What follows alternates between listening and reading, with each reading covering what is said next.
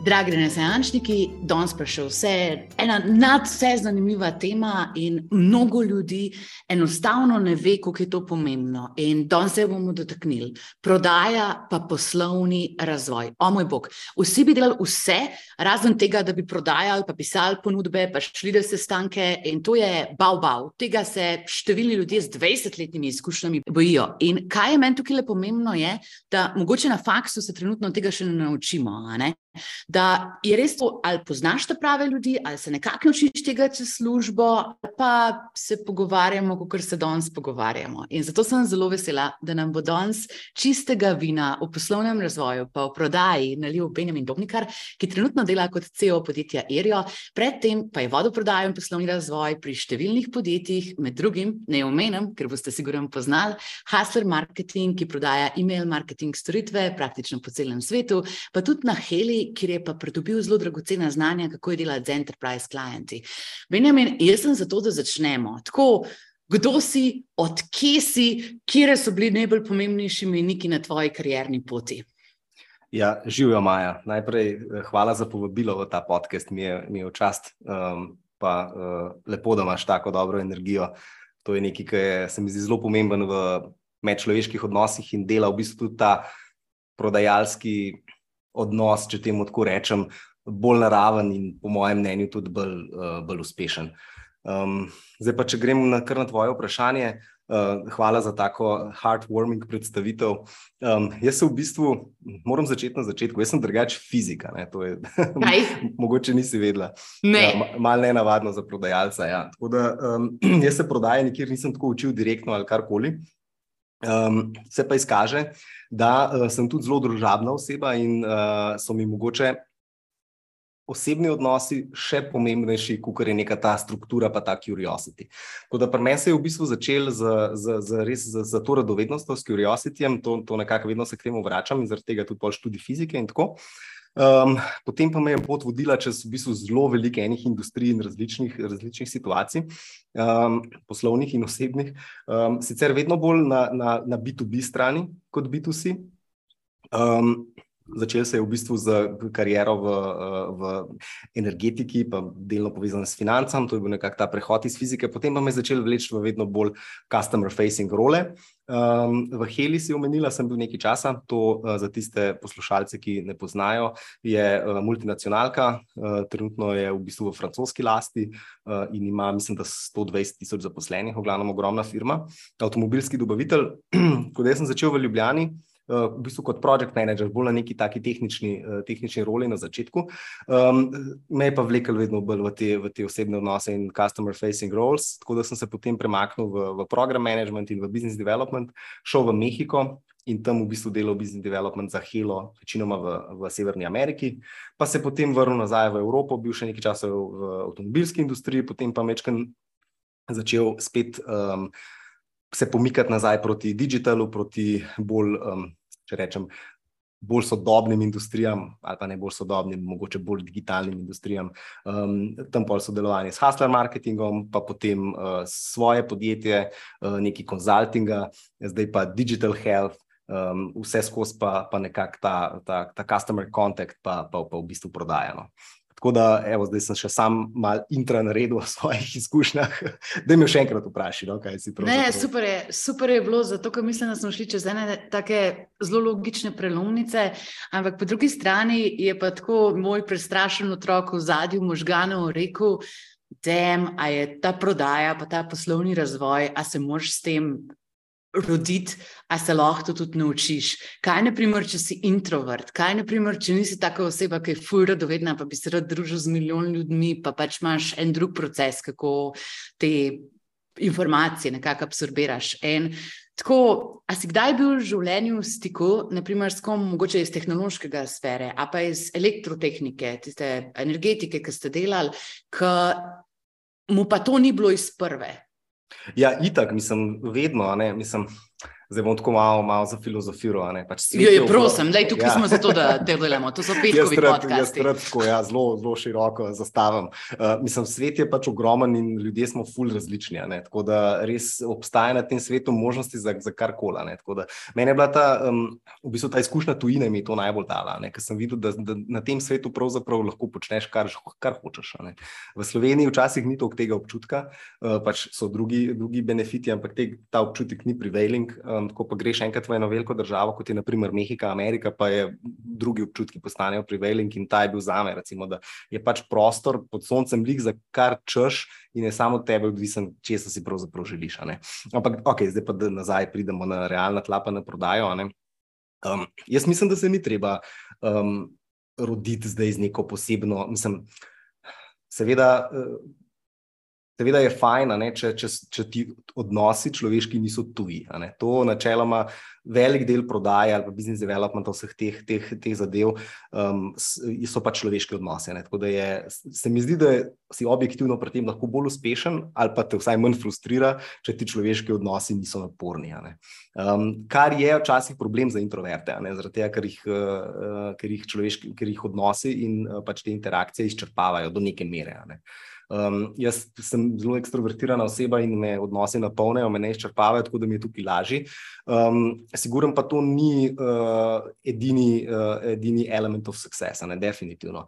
Uh, je tudi veliko strukture, ne, predvsem v prodaji, je ogromno strukture. Um, to se pa absolutno da in more naučiti, noben se ne rodi kar z, z knjigo, s skriptom vsega. In jaz sem se te stvari v bistvu naučil delno sem se jih naučil že na začetku, ko sem delal MBA, um, delno pa v bistvu, ali pa v največji meri pa sproti skozi prakso. Ne? Tako da potem uh, sem zelo tak analitičen, uh, analitičen človek in pa se mi stvari dogajajo, jih doživljam, potem jih pa še za nazaj, uh, za nazaj po predalčkam grem pogledati v kakšno knjigo in ugotovim, da ja, to se je res zgodilo.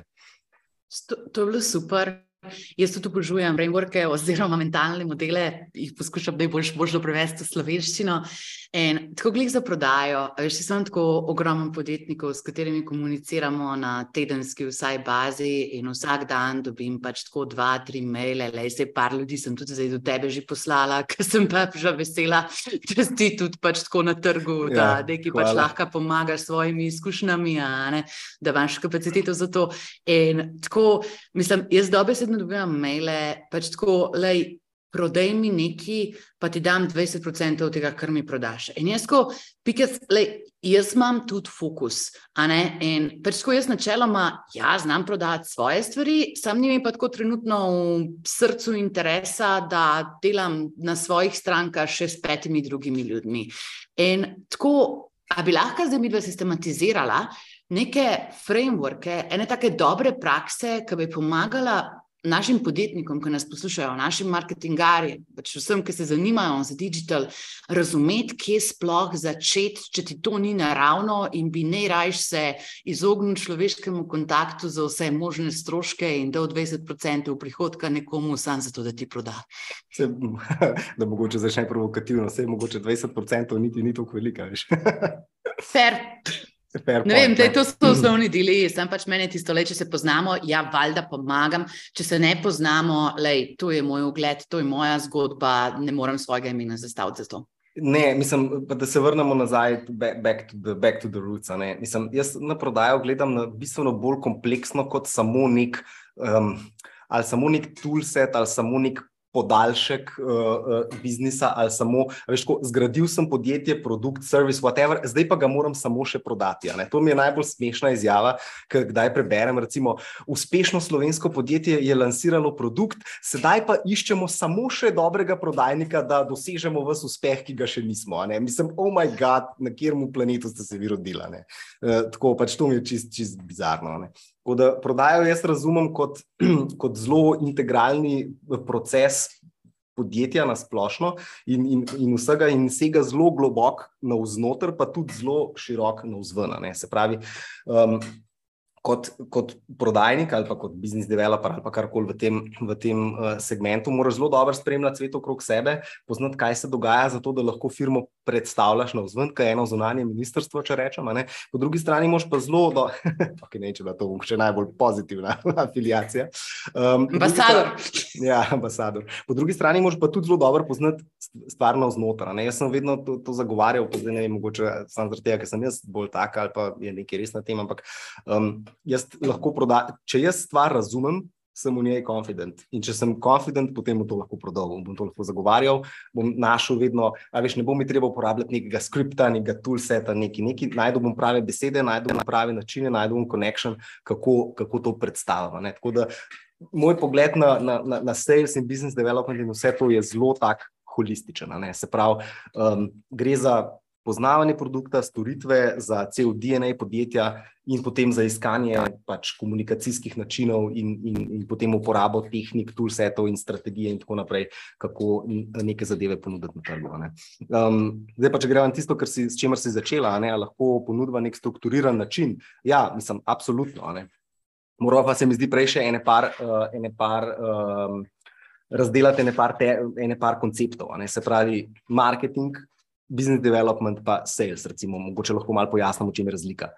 Um, Mark, pri, pa, da začnem pri business developmentu ne, in razliki od salesa. Se pravi, business development jaz razumem kot širše od same prodaje. Ne. Se pravi, tukaj gre za iskanje nekih poslovnih priložnosti v širšem smislu. Ne, ker um, podje, priložnost za podjetje je lahko tudi naprimer, priložnost, da se podjetje proda in to je business development na nek način. Ali pa da gre v neko partnerstvo, da gre v joint venture, da kupi en del ali nekaj tasga. Ne? Tako, je, tako jaz razumem business development. Um, seveda, potem so širše in ožje uh, možnosti tega. Ne?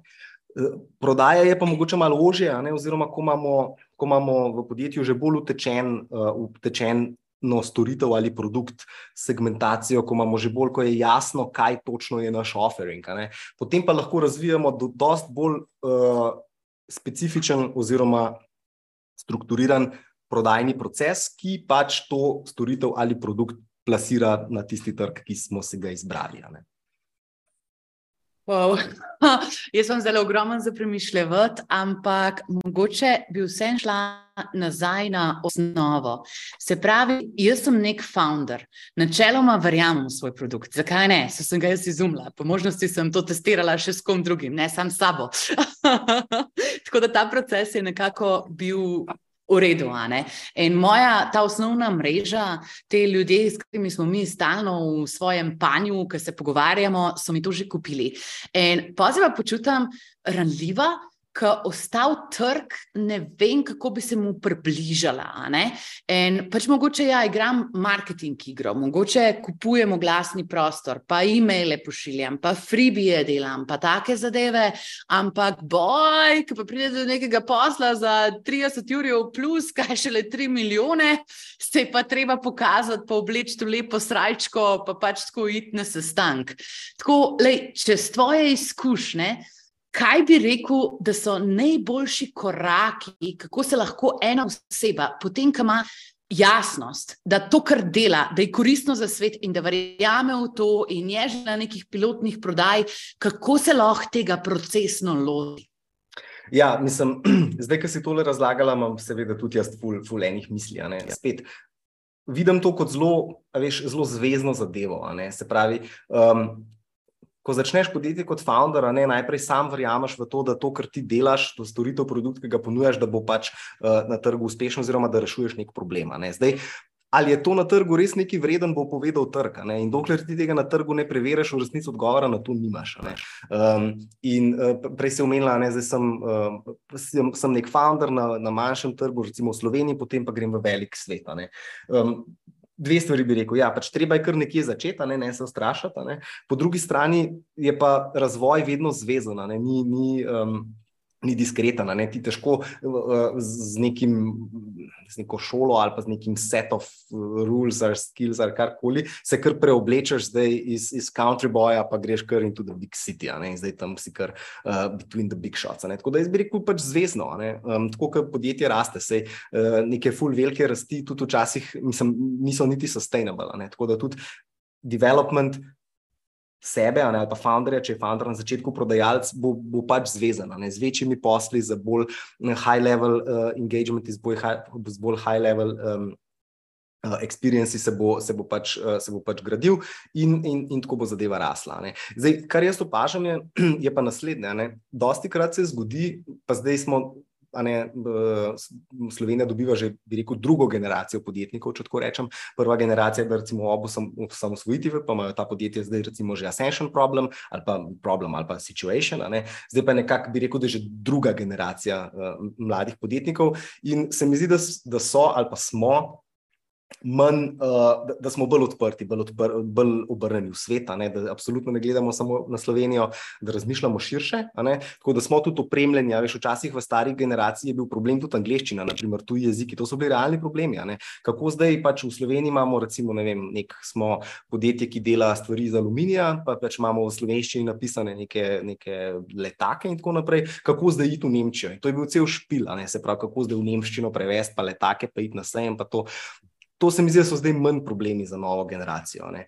So pa problemi to, uh, kar sem hotel, uh, kar sem že hotel, s čimer sem hotel začeti, no, da moramo začeti dosegati prodajni uspeh skozi organizacijo, ne skozi sebe. Ne? Se pravi, na začetku je founder v bistvu seller in to je edina možnost. More, more, pač ti si izumil produkt ali storitev in ga tudi prodajaš, in tako firma začne rasti. Potem pa pride en trenutek, ko to ni več sustainable, oziroma ko bi pač rad rast povečal, in tako moraš zgraditi procese in oddelka. Tako da tam se pa ponavadi uh, ponavad zatakne. Uh, tako da mogoče se o tem lahko malo pogovoriva. Absolutno, absolutno. In točno to je bilo tudi to jedro, ki si ga zelo dobro povzel, mojega vprašanja. Se pravi, nekaj smo naredili, nekako trg to hoče, nekako smo že to validirali, zdaj pa mi radi šli na naslednjo raven. In pač tako ni več vzdržno, da ustanovitelj podjetja visi na vseh klicih in da vrši osebno prodajo, ker se bogi človek tudi ne more multiplicirati tako, da bo 48 ur na dan delu. Pač enostavno to ne gre. Ne?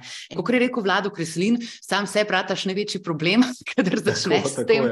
Tako da, dej povej, kakšni so pa te sistemi, kako pa se se tega lotiti res profesionalno. Ker siguren se pogovarjaš z ogromnim ustanovitelji podjetij, pa z Boštjanom, ki je bil na podkastu, pa z Davidom, sta prijatelja. Pa fulmaš enih takih zgodb, ki siguren lahko narediš en takšen sistematski pogled, kaj se tukaj dogaja. Ja, seveda, nisem ti povedal, kako se jaz tega lotevam v organizacijah, s katerimi katere vodom ali pa s katerimi, uh, katerimi svetujem ali pa s katerimi interagiram.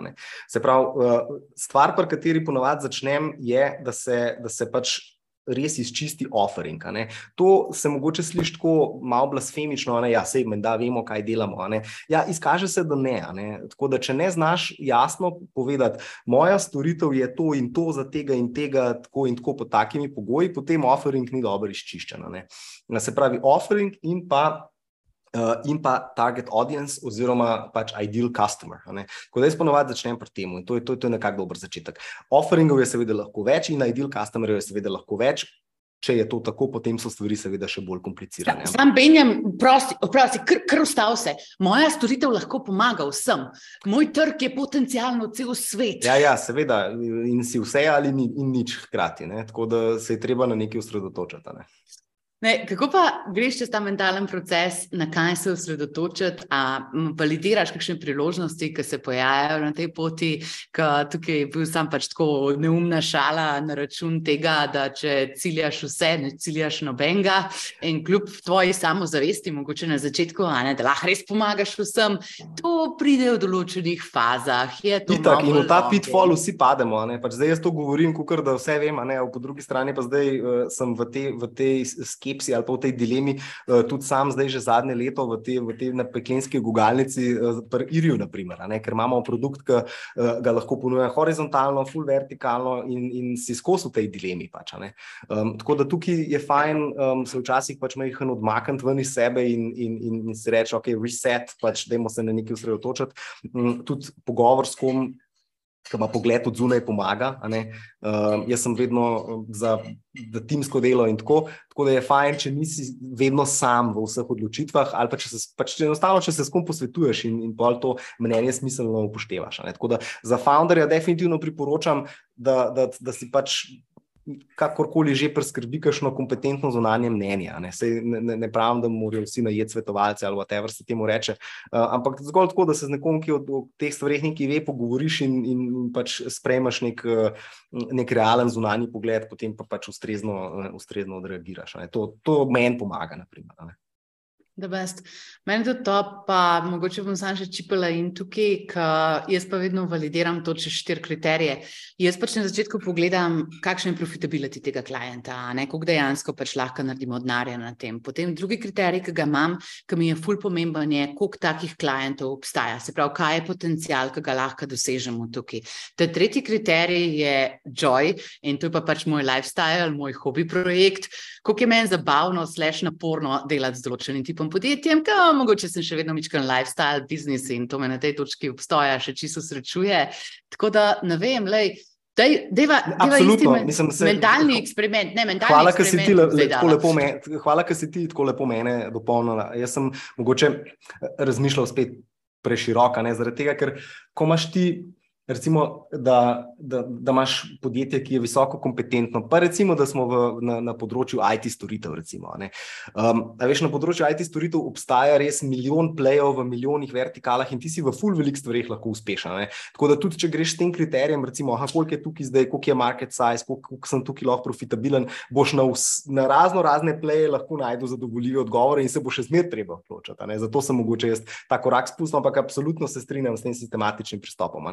Se pravi, ti si moraš izbrati ideal client in potem izbrati, kaj je tvoj, kako jih nagovarjaš, kaj je tvoj unique value proposition, kakšen je market size, koliko lahko tam zaslužiš, kakšen share uh, lahko tam pridobiš in česa se boš pravzaprav lotil, kakšen je depth of the market in da se to sploh splača delati. Če povem, povem zdaj na primeru, vem, e-mail marketing agencije, naprimer, ali pa kakršne koli marketing agencije na globalnem trgu, ne, uh, recimo, ki se fokusira na e-commerce, lahko ugotovimo, da je pač e-commerce kot trg full raste, eh, da je že zaradi tega to dober signal, po drugi strani pa tudi uh, na splošno e-commerce zelo globok market. Ne, tako da, če si tam znotraj tega izbereš nek, nek ideal customer definition, lahko računaš na to, da bo market depth izredno velik.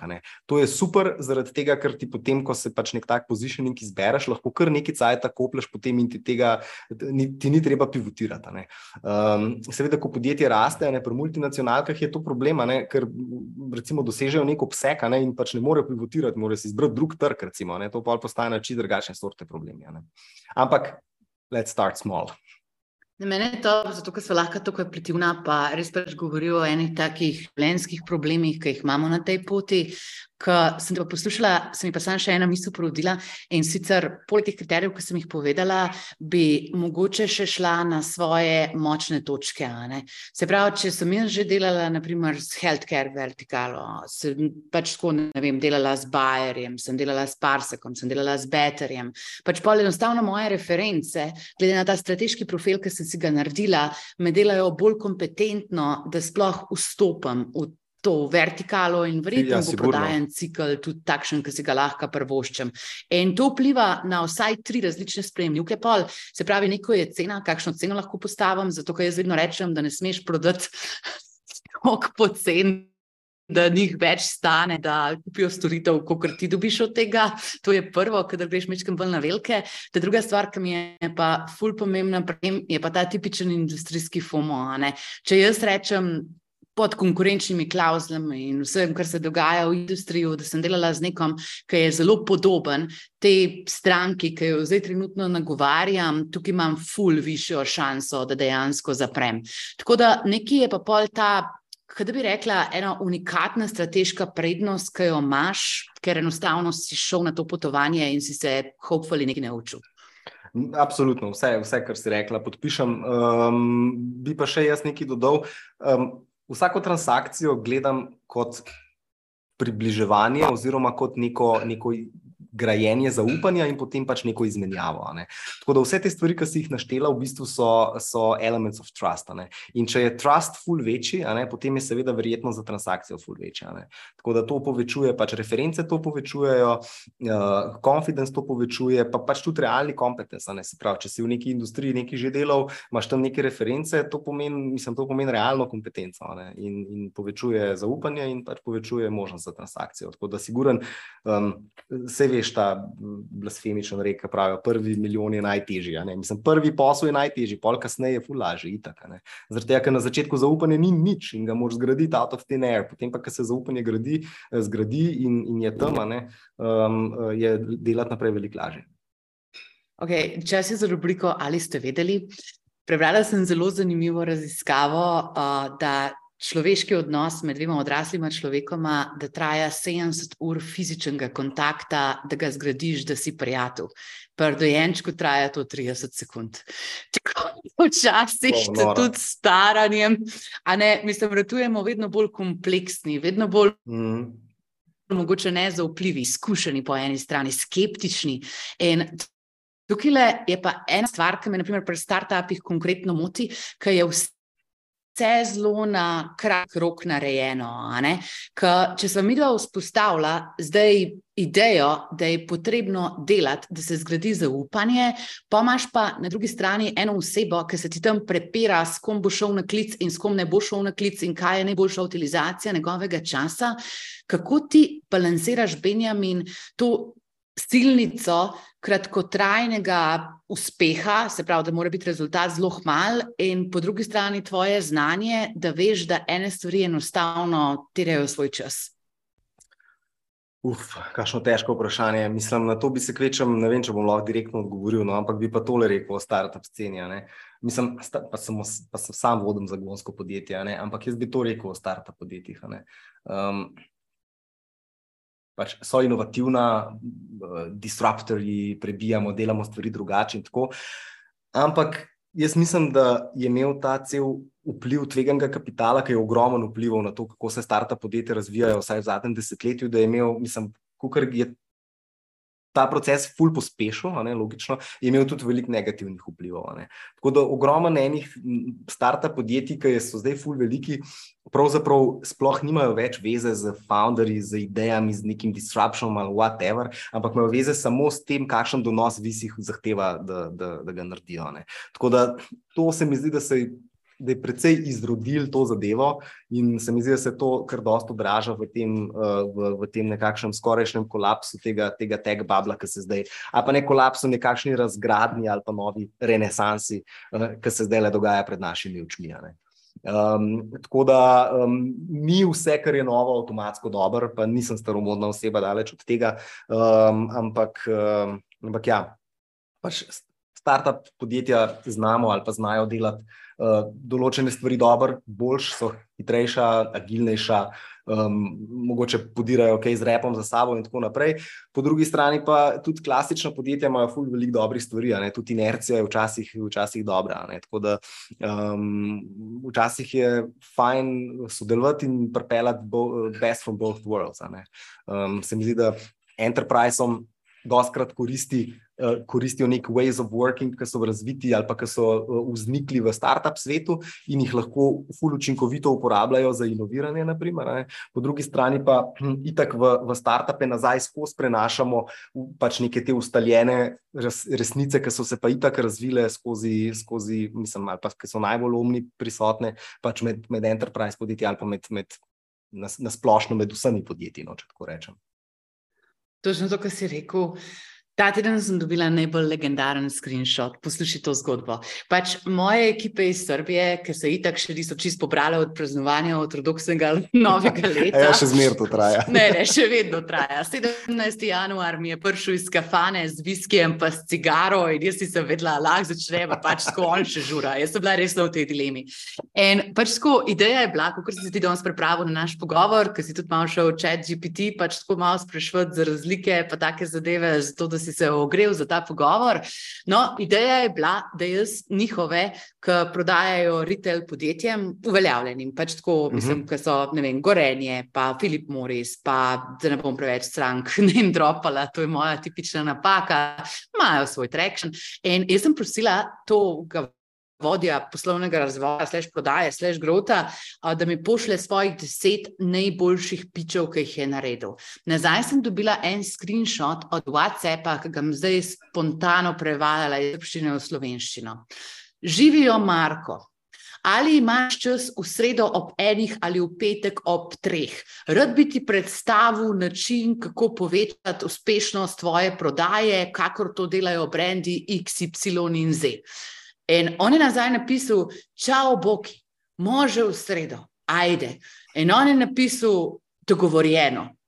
In to sem jaz dobila kot primer najboljše sales skripte. Jaz sem tako, le, jaz ne morem da tega v AI. Pač tako, očitno se Boki in Marko poznata in imata nek odnos, ampak to je totalno non-scalable. Jaz mislim, da stvari dela prav. Pa sem tudi se pogovarjala s Simonom Melakom, pa z vsemi temi, da čim bolj si globoko v enterprise salesu, da to je nekako modus operandi.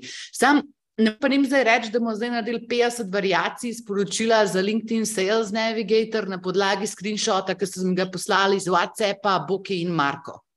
Ne, seveda ne. ne. Mislim, pač spet, kot sem že na začetku rekel, tukaj je pač cel spektr razno raznih zadev. In, in tukaj se lahko stvari ful mešajo. Recimo, um, zdaj, v tem, bom tako rekel, v tem današnjem digitalnem svetu, pa recimo, da smo se postavili v kožo, da prodajamo neke marketinške storitve, da smo service agency. Recimo, ne? Seveda ne bomo tako ne bomo tako approachali, um, vsaj ne uh, v outreach smislu, ne, v, v, v outbound smislu, ne bomo na ta način approachali, ker nam zmanjka kontaktov. Tudi če imamo tisoč ljudi v imeniku, jih hitro zmanjka. Um, tako da moramo se poslušati nekih drugih načinov, ne, se pravi, neke kanale, potem dobimo lide, jih nekako kontaktiramo in tako naprej.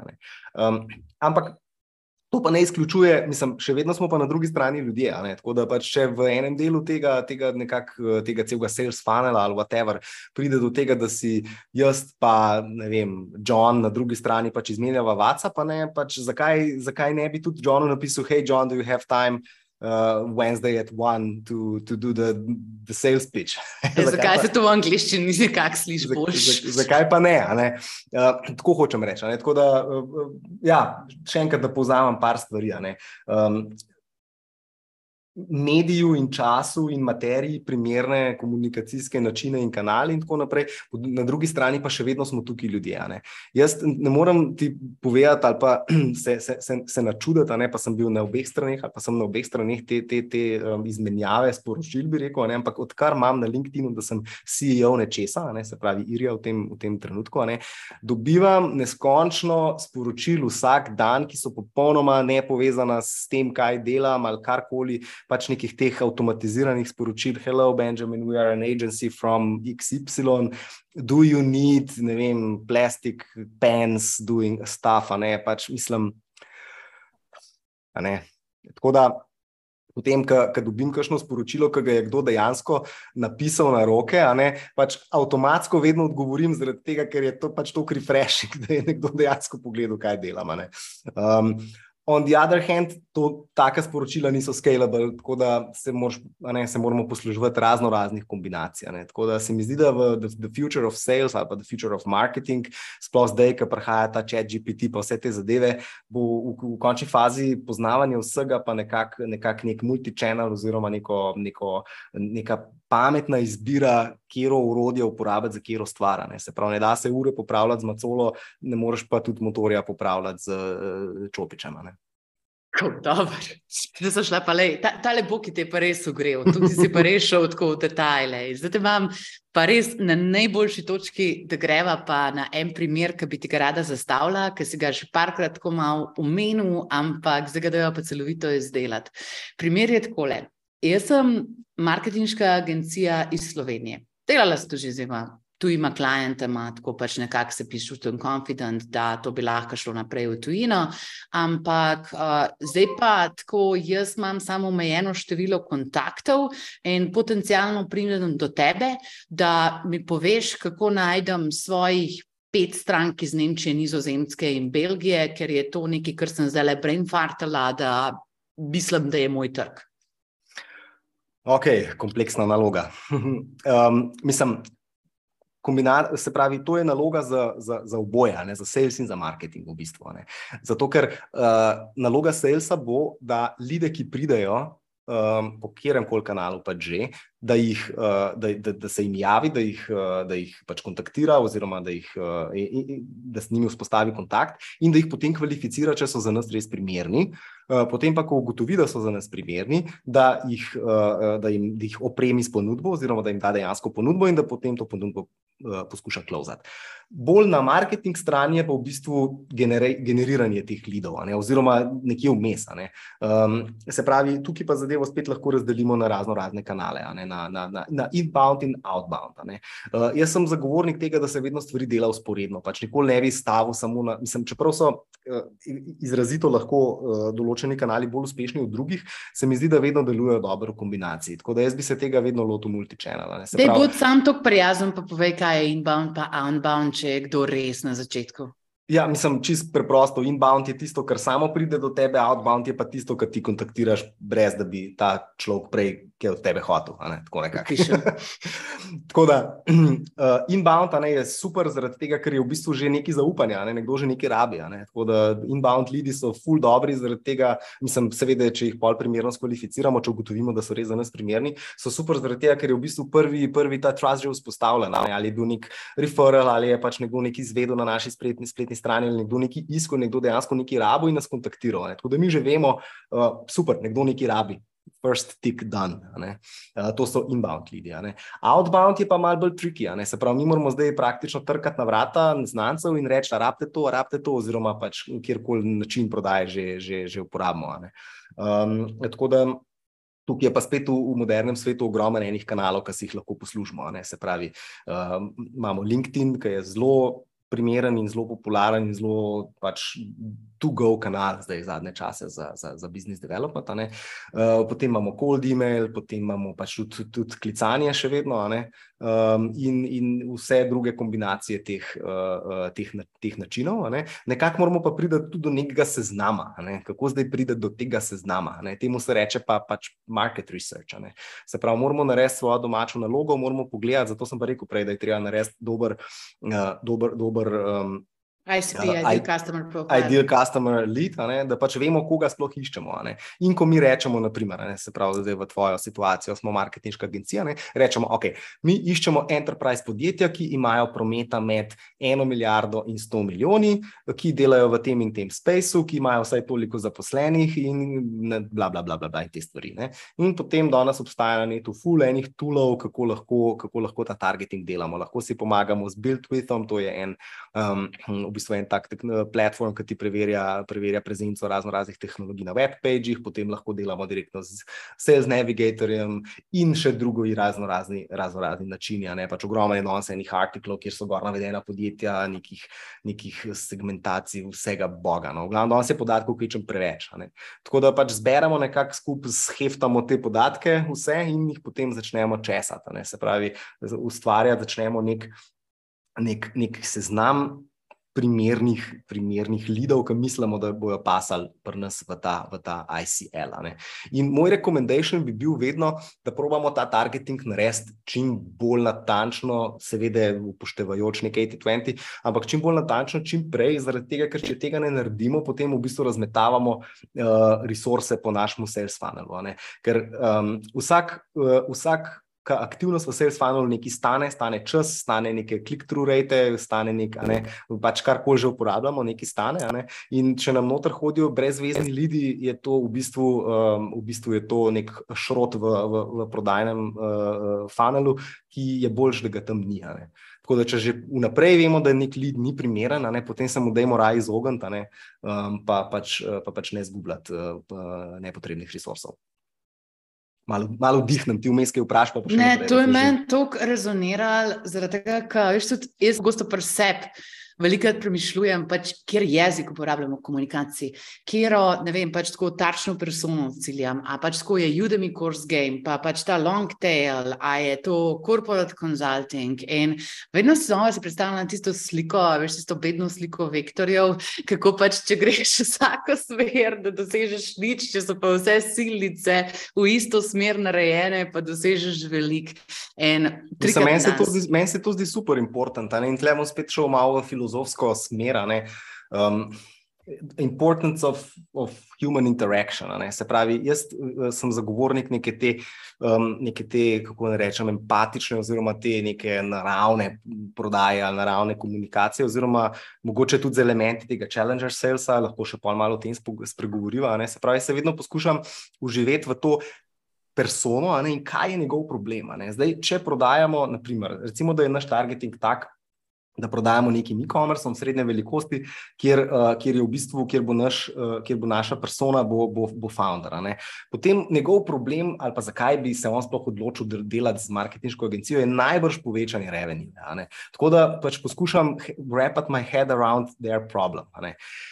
Po drugi strani, če ne vem, smo v čist na drugi strani, v, v enterpriseu, recimo, in je, naš, um, in je naša target persona, recimo, ne vem, recimo en chief information officer ene velike banke. Povečanje revenueja bo the least of his concern, pač res the least of his concern.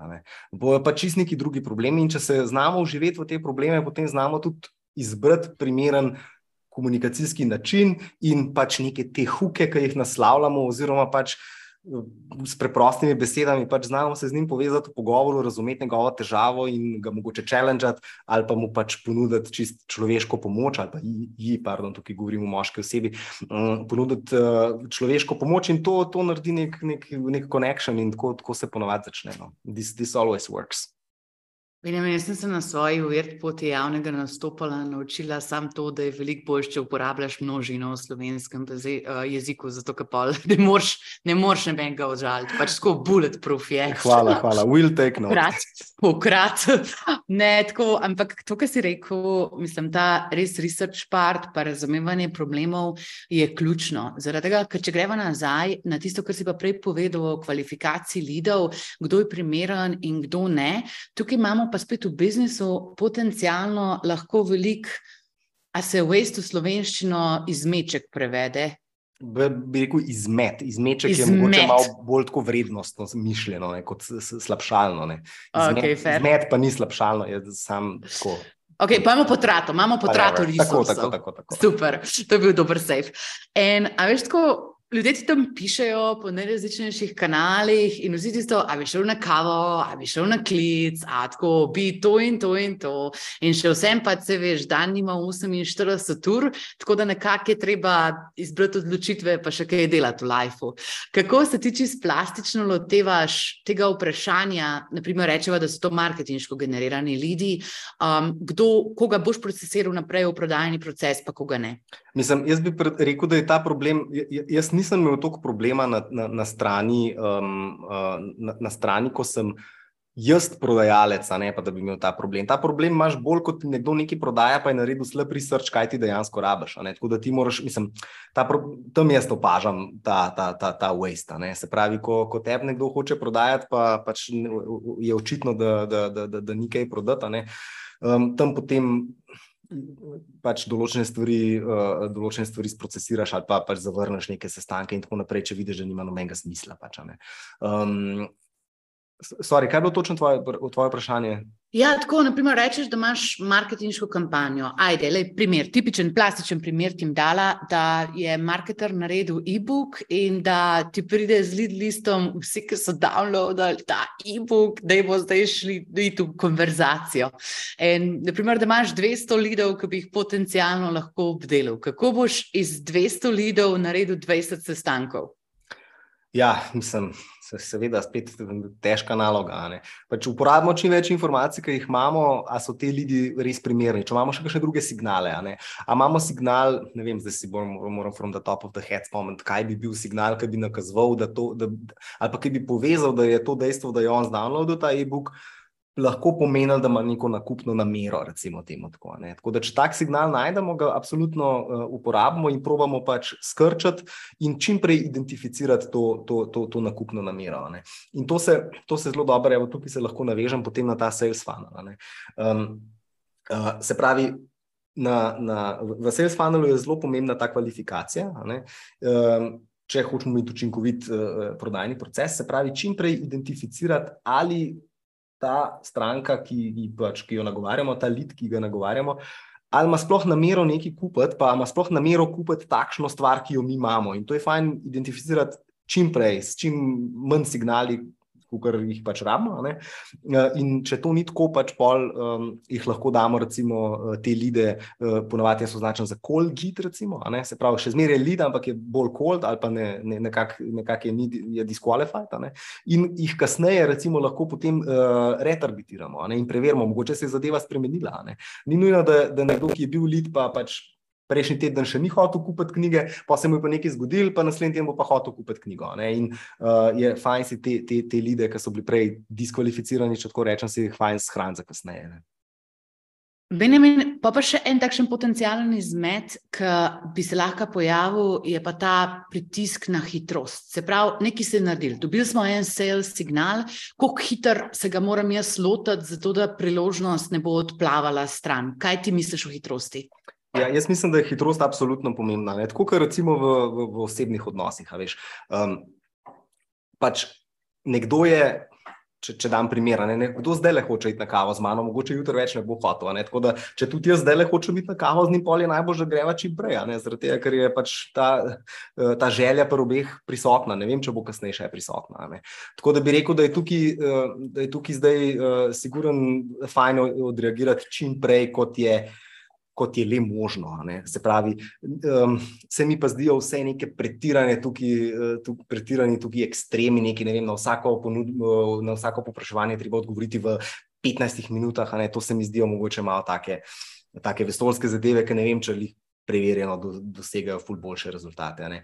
Ampak ja, le se čisto osebnega stališča velja. Ne, pač na neka sporočila si želimo dobiti odgovore v nekem doglednem času. Ne. Tako da jaz bi rekel, za splošno za vsak biznis velja, da je fajn v enem dnevu odgovarjati na stvari. Drugače pač se kaže nek generalni neinteres ali pa ne, nezmožnost sploh uh, podeljevati sedanjost. Ne. In to je pa mogoče tudi slab signal za kasneje, ne, kako bo dejansko delati takem, uh, s, s takim podjetjem ali pa s, s, s tako osebo na drugi strani.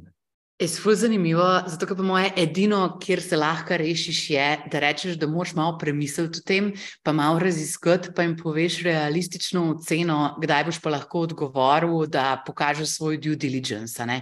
In v tem primeru je pa tukaj le še en, pa to je res zadnji ta waste, ki bi ga rada predebatirala s tabo, priprava ponudb pa raziskava, zato da mi napišemo tisto svoj slaven PDF, kaj bi mi radi prodali, svojo ponudbo. In tukaj vidim tako dva ekstrema v praksi. Prvi ekstrem je mušter, vsem pošljemo isto, drugi ekstrem je. Pa, to bi bilo končno zakomplicirano. Ja, ja, ja, ja. tako, kje, je, kje je ta sweet point, kako daleč je v tem mentalnem procesu, po tvojih izkušnjah? Mislim, zelo različne so moje izkušnje tukaj. Ful je odvisen, kaj prodajamo. Ne? Če smo mi zdaj, recimo, neka butična agencija za ne vem kaj, uh, ki dela ful specifične stvari, potem se je treba zelo poglobiti v, v, v to, kaj, kako bomo mi dejansko deliverali value in, in, in, in tako naprej. Uh, in se splača potem pač nek, nek, nek custom offer dati in, in tako naprej. Pa, pa če pa imamo bolj, bolj standardno ponudbo, um, je pa seveda, uh, pa seveda lahko bolj, bolj, bolj štancamo te zadeve. Ampak tako, za rule of thumb bi rekel, avtomatizirajmo vse, kar lahko avtomatiziramo. Ne? Največji waste je ta, naprimer, to sem jaz doskrat doživel tudi v svojem življenju, v, v, v večjih enterprisih, recimo, da, da sploh ne obstaja. Recimo, niti mušter, vedno se da cena na kos, pa development cost, naprimer. in ne obstaja standardni PDF, kamor se to v dveh sekundah natipka. In potem pač prodajniki porabljajo ure in ure, da vsak svoj PDF zdaj komprimira in skup daje in printa in skenira in tako naprej. Ne. To so ure in ure izgubljene. Tako da avtomatizirati vse, kar se da. Ne. Po drugi strani pa, um, če neka personalizacija ful pomeni, ali pa če, če, če bo ful pomagala pri tem, uh, da, da, da bomo mi nekaj lahko prodali, potem pa absolutno to personaliziramo. To je pa treba pač predvsem, odvisno v katerem biznisu smo. A imaš mogoče kakšne cenovne range, ki si bi nam pomagali odločiti, kaj butično pa kaj je pač neka stvar, ki se da totalno avtomatizirati. Pa sam še ena opomba za vse poslušalce, ki niste iz Gorenske, mušter pomeni. Kaj pomeni mušter? Pravzaprav vzorec. Vzorec, ja, vzorec to, da imaš predpripravljeno, pa sam spremeniš par parametrov, pa imaš narejen. Voilà. Jaz sem se pa izdal iz kje sem. Jaz tudi, ki sem se kar razumela. Jaz mislim, jaz mislim, da ni butičnost uh, pač od, od uh, value našega offeringa, ampak tudi od nekako od načina. Veš, se pravi, ti si lahko, ne vem. Okay, zdaj bom dal mogoče ne, ne najbolj primeren uh, primer, ampak vem, ti si lahko butično šivilstvo, pa ni nujno, da tvoje obleke stanejo 10.000 evrov, lahko si pa nebutična, nebutični clothing company, pa tvoji eh, produkti stanejo 10.000 evrov na kos. Ampak butičnost tukaj je v tem, da ti delaš nekaj, kar je, kar je bespoke, se pravi, kar je zelo tailored. On the other hand, nebutičnost je to, da imaš pač neke, uh, neke produkte, ki jih bolj skalaš, ali pa so pač uh, uh, many are the same, ne? tako nekako. Pravi, Benjamin, če čisto poenostavlja, tako najbolj plastično možno, če imam jaz neko priložnost, da z nekom naredim 300 evrov, se mi verjetno ne splača iti za eno uro na klic in da jaz pol dve uri preživim v pripravlji ponudbe. Če pa imam tako priložnost za vem, 10-20 tisoč evrov, pa a, sedi dol in je stav, da reče to domače. Ja, mislim, to bi bila to lahko osnovna logika. To bi bila lahko osnovna logika, je pa spet odvisno od ka, v kakšni situaciji si. Se pravi, ti lahko greš tudi na tak klic, iz katerega boš naredila 300 evrov, pa če ti bo potem ta prvi engagement za 300 evrov odprl, naslednjega, ki bo vreden pa 30 jurjev, je še zmeraj vredno iti na tizga za 300 evrov. Uh, pač to je ta value giving v, v, v prodajnem procesu. On the other hand, ne, je lahko tudi, recimo, mislim, je treba vedeti, kdaj more of the same business ni dobro. In to je včasih težko reči ne. ne. Um, ne vem, tipičen tak primer je konzulting. Naprimer, a veš. Ti imaš lahko, konzulting je ful, težko skalati, sploh iz ene osebe na več oseb. Naprimer, uh, tako da ti imaš lahko ful dobro uh, urno postavko, naprimer, ampak pač pri eni količini posla ga enostavno ne moreš več jemati, zaradi tega, ker, ker te ni več, ker je tvojih ur samo 24 na, na dan. Tako da se ti to dobro veš. Tako da uh, tukaj si potem, potem hiter in apikal. Zdaj pa lahko potem to adresiraš na različne načine. Se pravi, lahko povečuješ ceno, ampak spet ne v nedogled, ker si konkurenčen na trgu. Lahko dodaš tim, tam je pa zdaj spet se ti spremeni uh, targetiranje. Zaradi tega, ker biznis za enega človeka je čist drugačen kot biznis za dva ali pa tri ali pet. Um, tako da to so full specifike vsakega posameznega biznisa in kako potem pri takih stvarih uh, pristopaš. No.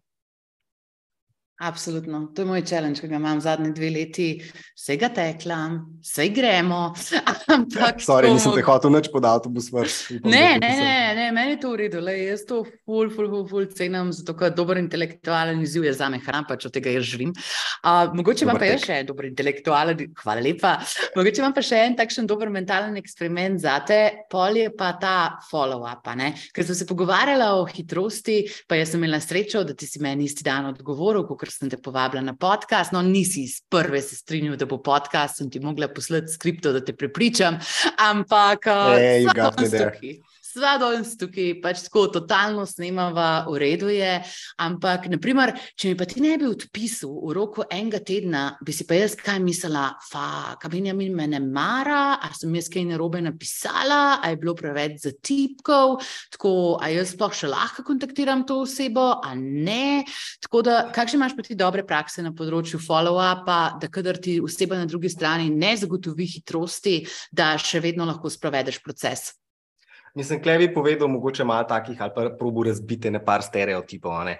Pač, fulkrat sem naletel, recimo v kakšnih prodajnih ekipah, ja, nočem ga zdaj spet kontaktirati, da ga ne bom zmotil ali pa take stvari. To se mi zdi relativno brez veze. Pač, ok, sej pač enkrat postane preveč. Če smo nekoga že trikrat vprašali, nekaj pač pa še zmeraj odgovarja, pač let's call it quits. Recimo, jaz bi rekel, ena dobra mera, če smo pač bili v nekem, nekem kontaktu, pa je bil vzpostavljen nek huk, potem pa trikrat oseba ne odgovori, pol it's dead. To bi jaz rekel, ne, pač nisem jih izkazal. Ali pa se bo že oseba sama vrnila, recimo, če se bo hotla. Ne. Ampak dokrat pa ne dobimo res ne nazaj, ali pa dokler se oseba trikrat ne javi, recimo v smiselnih, uh, v nekem smiselnem času, pa dajmo gently preveriti. Uh, eh, vse to je lahko zelo, um, zelo tako ne, neosiljivo. Ne. Jaz ponovadi napišem ali kakšen SMS ali pa kakšno kratko sporočilo. Um, hej, sam gentle reminder, uh, pač tole sva se pogovarjala, je to še, je to še aktualno, ali pa vem, da si full busy. Um, da mi sam povej, a ti preveč težim, oziroma povej mi, kdaj se lahko slišva ali pa tako naprej.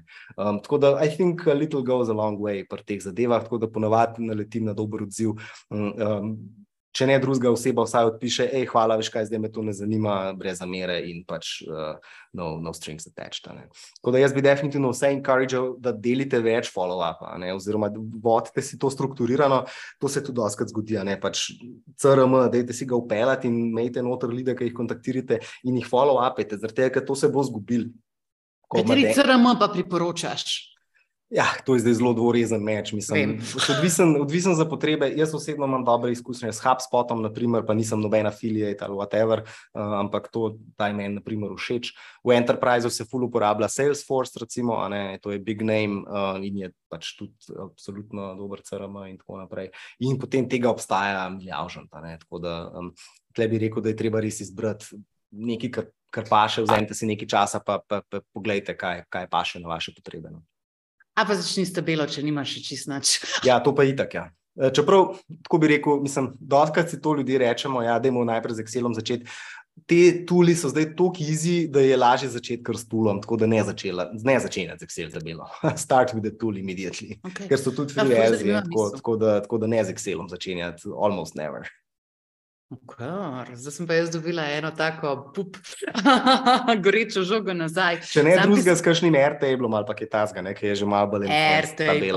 To je bil pa zdaj safe, ampak še en pipe drive, ali karkoli tasga. Tako, tako, tako. Ampak tole bi se navezala na to, kar si rekel o teh follow-upih, ta psihološko stanje, ki si ga opisal, mi je bilo ful pomembno.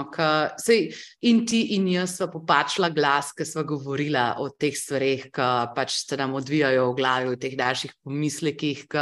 Jaz si rada mislim, da to nisem realna jaz, da to je pač tako moj negativni jaz.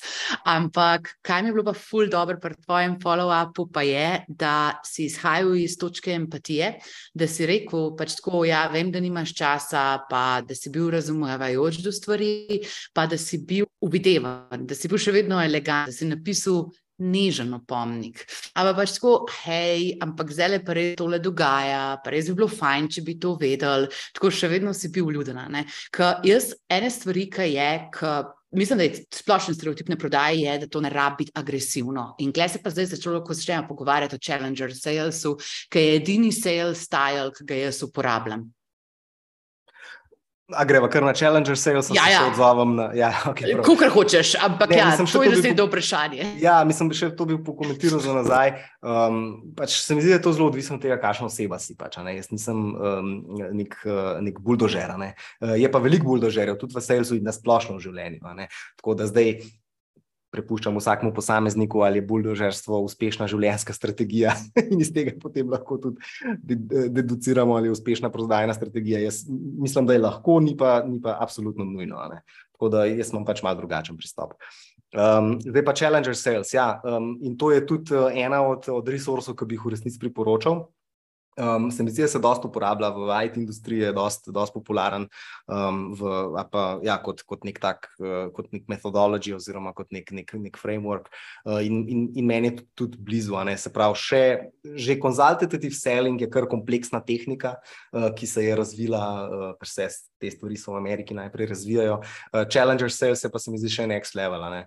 Um, tako da um, zelo kompleksna zadeva in v bistvu terja od, od prodajalca oziroma challengerja na tej strani, um, da v bistvu v podrobnost razume biznis tistega, kateremu prodaja. Oziroma, da ga v bistvu v nekaterih stvarih še bolj razume, ali pa, ali pa vsaj aspira, da bolj razume, in potem pač naredi ta leap of faith in, in to preveri. Um, tako da to je, to je kor te tehnike. Se pravi, ti prideš do nekoga in, re, in mu ne rečeš, hej, kaj rabiš, ampak rečeš, hej, jaz mislim, da ti to rabiš. Oziroma, hej, a si pomislil, kaj bi lahko dosegel, če bi to pa to pa to. To, to, to je challenger sales. In zato je treba imeti kar, um, mislim, je potreben kar en, en, en high level of, of, of confidence, pa hkrati je moš paziti, da ne spadeš preveč koki, to se hitro zgodi. Um, in gre ljudem tudi na jedra. Uh, jaz moram reči, da moram to doskrat paziti, čeprav nisem taka oseba, ampak hiter kama across, da si, da da si cocky in arrogant. Ne? Tako da, recimo, to je en, en, en, en moja taka uh, ahilova peta, moram to ful paziti. Um, in, in terja ogromen priprave oziroma poznavanja terena, na katerem operiraš. Da ti priješ nekomu in rečeš, hej, jaz, pa, jaz pa mislim, da več vem o tvojem biznisu, ker veš ti sam in z mojo pomočjo boš ti boljši. Tako, to je nekako prerogativ tukaj. Ne? Dve stvari sta, ki sem jih nekako jaz v svoji praksi opazila kot univerzalno uspešni. Ker jaz tudi uporabljam Charger Sales in knjigo sem prebrala potem, ko sem dejansko to že vse upeljala, zato ker to je bilo za me tudi edino intuitivno. Pač jaz hočem učiti, jaz hočem delati biznise boljše, to je tako alajnano z mojim mišljenjem, da za me sploh ni bilo druge izbire. No. Pač jaz tako, če bi bila tam nek lik, ki se prikazuje na YouTube v glasih, pač tako jaz ne bi mogla živeti sama sabo, pač tako ne bi šlo. In um, dve stvari sem, ki sem ugotovila, da sta vsem všeč.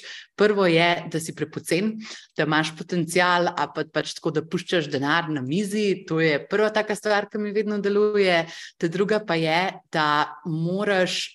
Enostavno, tukaj si ti rekel, pač ko pogledaj offer, pa ICP in izbrati dve, a pa tri področja, ki jih bomo optimizirali najprej, zaradi tega, da pa dobimo svoje igrišče, zato da gremo naprej pol to delati.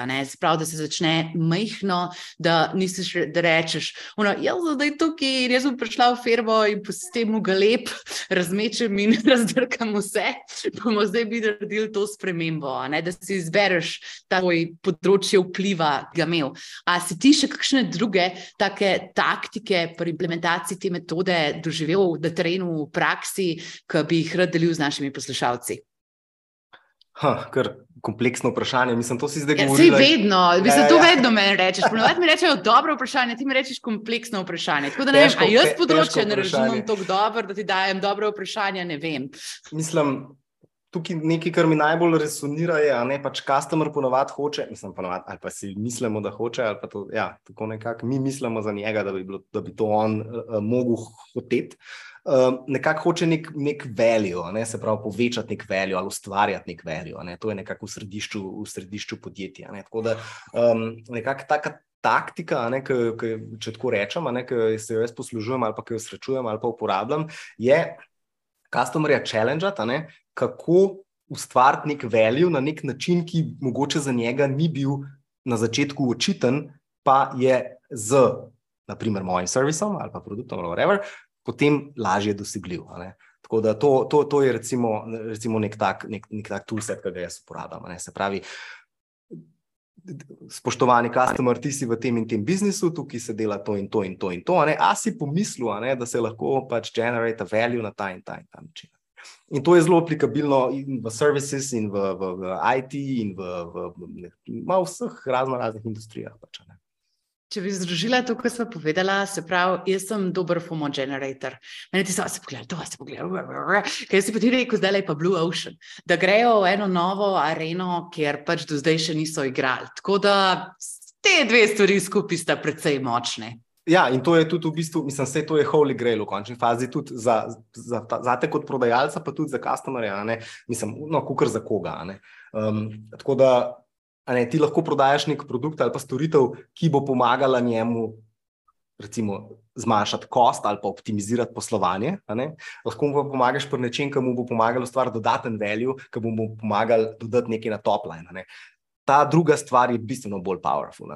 In, in če uspemo tepati in tudi that, potem, uh, potem smo na dobri poti. Stok zanimiv.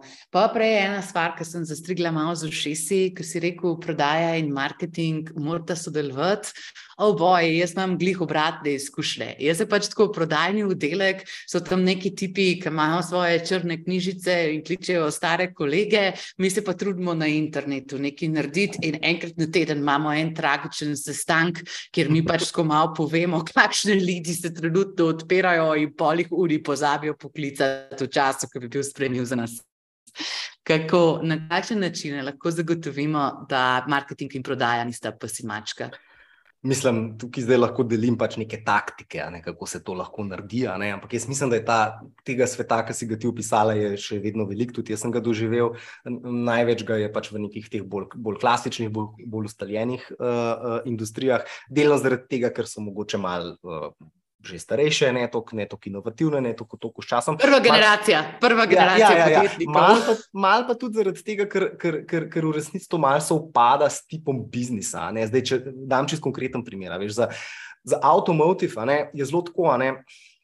Pač, marketing ima mal drugo funkcijo, kot generiranje lidov v avtomobilski industriji. Če govorim, da je ta OEM part, se pravi produkcijo delov za prvo ugradnjo v, v, v avtomobile. Zdaj, ti, če delaš tukaj nek marketing, bolj gradiš brand awareness, bolj neke take zadeve, ne, ne pa da boš ti dejansko neke lide uh, generiral, zaradi tega, ker lidov je 14 in vsi vemo, vemo kje so. Mislim, zdaj mehen pretiravam.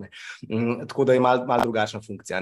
Dočem pri pr bolj modernih biznisih, recimo še posebej pri tech biznisu in tako naprej, ne, ima pa potem marketing malo mal drugačno funkcijo. Uh, ampak recimo sigurno je taktika, ki, ki, ki je najbolj taka straightforward, je ta, da ti marketing in prodajo ne obravnavaš kot dve, dva ločena departmenta, ampak obravnavaš to kot revenue department. Seveda se pol. Um, seveda In to se, se mora tudi verjetno čez metrike, a ne skomunicirati. Ja, seveda, zaradi tega, ker ti lahko ko, tudi čisto direktno lahko, ko uh, pač gledaš sales funnel, ne, je pač ma, odgovornost marketinga, koliko lidov prileti not. Odgovornost salesa pa je, kakšen conversion rate doseže na teh lidih. Uh, in to evo, je simple as that. Um, Mene je to super, zato ker ful pogosto pride do tistega, veš, kazanja s prstom drug na drugega. Nismo prodali, zato ker ste nam dali slabe lide, po drugi strani niste prodali, zaradi tega, ker ste dosti hitro poklicali, mi smo naredili full leadov. In ja, tukaj se mi zdi, da glih to, ko si rekel, da jih enostavno počtavaš. V isto areno igrati, da je zelo, zelo, zelo, zelo, zelo močna stvar. Kako lahko je v praksi to izvesti, verjetno ni. Ja, ampak včasih, je pa filozofsko pravilno. Ja, včasih lažje, včasih težje. Ampak to bi bil general, moj general recommendation. Pač, Eh, da, da, da, da, da sta oba, recimo, če imamo zdaj to funkcijo, ne marketing, pa, pa, pa prodajo, da sta pač oba odgovarjata chief of revenue, recimo, ne, in ta, ta ima odgovornost za res za, za, za revenue, ne, one pa pač za vsako svojo metriko, naprimer, kjer je to aplikabilno. Garet. Okay, zdaj si nas že precej dobro zainteresiral za to marketing, za prodajno, pa za business development pot, da ne razmišljamo več samo o marketingu. Uh, tako da za pa zadnje vprašanje, pa se če nam pa hotel še kaj povedati za zaključek, ti damo open mic, ampak. No, hvala. Hvala, ker si zanimiv. Uh, tako da zadnje vprašanje, ki sem ga pa imela, pa je, se pravi, prodaje pa poslovnega razvoja lahko DIY-am. V tem primeru, kje resurse bi priporočil, in v drugem primeru, če pač smo rekli, ok, to je to, to rabim zdaj jaz nujno narediti, kako se lotiti izbire sodelavca, svetovalca, eno osebe, ki bo to dejansko vršila. Sandvič. Um, ja, um, najprej, kar se tiče resursov, um, v, resnic, uh, v resnici je tako, mislim, da sem si nekaj pripravil, da, da, da, da povem, da malo smerim. Uh, ampak uh, moj proces rasti uh, in razvoja v kontekstu uh, prodaje v bistvu ni bil zelo, uh, zelo sistematičen ali pa ni bil tako po neki ustaljeni, uh, ustaljeni poti, tako da za nekega seznama nekih knjig niti nimam. Pač je par knjig, recimo, ki bi jih tukaj uh, uh, navedel, ki so generalno uh, primerne in zanimive. Naprimer, um, to zihar si poznate, Dale Carnegie, How to Win Friends and Influence People, to je dobra knjiga. Potem Mastering the Complex Sale um, od Jeffa Tala. Pa Emotional Intelligence, tudi zelo znana knjiga od Daniela Goldmana, um, pa pol tale Challenger Sale, se pravi od uh, Adamsona in Dixona. Um, to je od knjig. Uh, bi od knjig priporočil, definitivno bi priporočil, če je to v kontekstu, mislim, jaz sem MBA naredil, naprimer, ne, to te nauči marsikaj. No, tako, pa tudi um, dobiš uh, nek network ljudi, nekih dobrih praks, kamor se lahko obrneš um, uh, in nekih, nekih zgledov, tako da se to bi vsakmu priporočil, kaj ga biznis generalno zanima. Ne. Um, drugače, pa, drugače pa tudi paradigma sveta precej spremenila. Deset let nazaj je bilo informacij premalo, danes jih je pa preveč. Um, tako da na YouTubu je res vse, kar si misliš, in tudi uh, you will be amazed, pejte na chat GPT in napišite, how do I scale my digital agency business and how should I select my business development coworkers. In presenečeni boste, kaj, kaj boste dubali. Mislim, relativno dober odgovor. No. Um, tako da, dejte, dejte to narediti. primer za začetek. Um, drugač pa um, še na temo, na temo um, izbiranja sodelavcev, odvisno pač za, za prodajo. Odvisno, kje ste ne, na, tej, na, na, na tej poti. Uh, ampak, če hočete postaviti strukturiran prodajni proces, bi vam priporočil, da, da, da, da povabite uh, k sodelovanju ali pa da, da si zagotovite pomoč nekoga, ki to zna.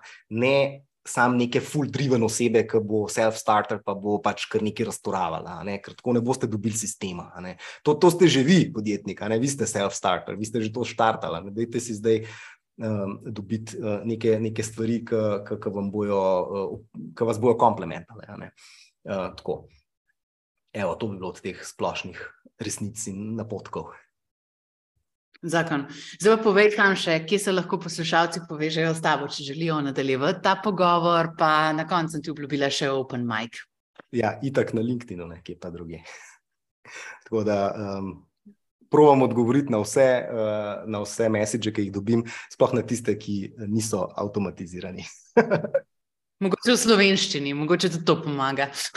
Ne, tudi, tudi, v drugih, tudi v drugih jezikih, mislim, v angliščini najbolj. No. Ok, super. Naj še kaj za konec, kaj bi rad povedal? Zato, ko si javiš, nam danes razjasno pojme, to je res eno tako področje, ki ste se ga vi taktično, čez izkušnje naučili. Kakšno zaključno sporočilo, ki misliš, da bi ga mogli vsi vedeti? Ma ne, se mi zdi, da sem res tako dosti, dosti filozofsko delil svoje poglede že zdaj skozi cel tok, ki mi je bil ful prijeten, tako da ne bi zdaj tukaj na koncu neki ful imel filozofskih izpadov.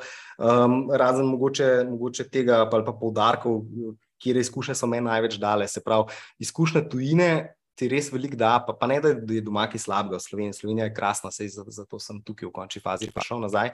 Um, ampak dati ta občutek, uh, da je, da, je, da je svet ogromen, da je marsikaj možno.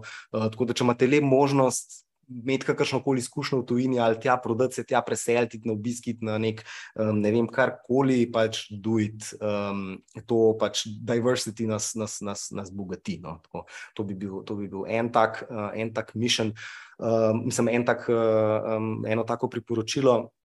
Druga stvar je pa. Um, Mislim, da se, da se doskrat, ta bo zdaj mogoče malo tako ezoterična, um, mislim, da se doskrat pri vseh teh zadevah um, pozablja na to, da imamo ljudje intuicijo z razlogom, ne? Uh, sam ne znamo jo uporabljati. Ne? Tako da jaz bi rekel, poslušajte sebe in poslušajte, kaj vam telo in občutki govorijo. In poskušajte si zamisliti, kaj bi to lahko pomenilo, um, ali pa kako bi vam to lahko pomagalo. Tako kot smo v, v, v interakciji z, z interakcijami z ljudmi, um, ljudje nam dajo razno razne občutke, ne? ob katerih se počutimo um, malo tako stifled, ob katerih se počutimo ful sproščeno, kakšni nas uh, čist zmešajo, kakšni nas razjezijo in tako naprej. Dajte se vdaj vprašati, ne, kjera, kjera občutke v telesu povezujete s temi, uh, s, temi, s temi čustvi ali pa poskušajte to povezavo narediti. Pa pa še pomislite, kako, to, kako to vpliva na vaš odziv. Naprimer, in potem, ko boste to uh, pogruntali, ali pa če, uh, ko boste imeli neko tako izkušnjo, se vam bo kar zabliskal in, in, in se odpre nov svet uh, uh, uporabe svojega telesa in intuicije. No. Meni men je bilo to, recimo, full. Um, Um, full eye-opening, no, in, in se provam tega učiti, in provam sebe poslušati, in uh, uporabljati svoje telo in duha pri stvarih, ki jih počnem. Ah, Benjamin, jaz sem vedela, da mi dva rabva drop the mic, ker ta zadnja je bila tudi en takšna bomba vrednosti. Jaz se ti najlepše zahvaljujem. Odlično. Ne, jaz se ti najlepše zahvaljujem, res, ker si bil prvi gost v dvopolletni zgodovini posta, s katerim smo se lahko pogovarjali to temo.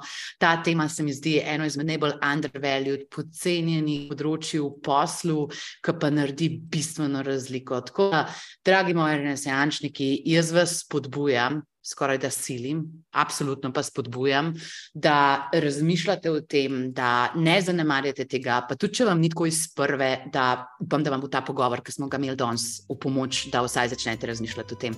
Lepo bote, pa razstorite na polno v biznisu. Čau!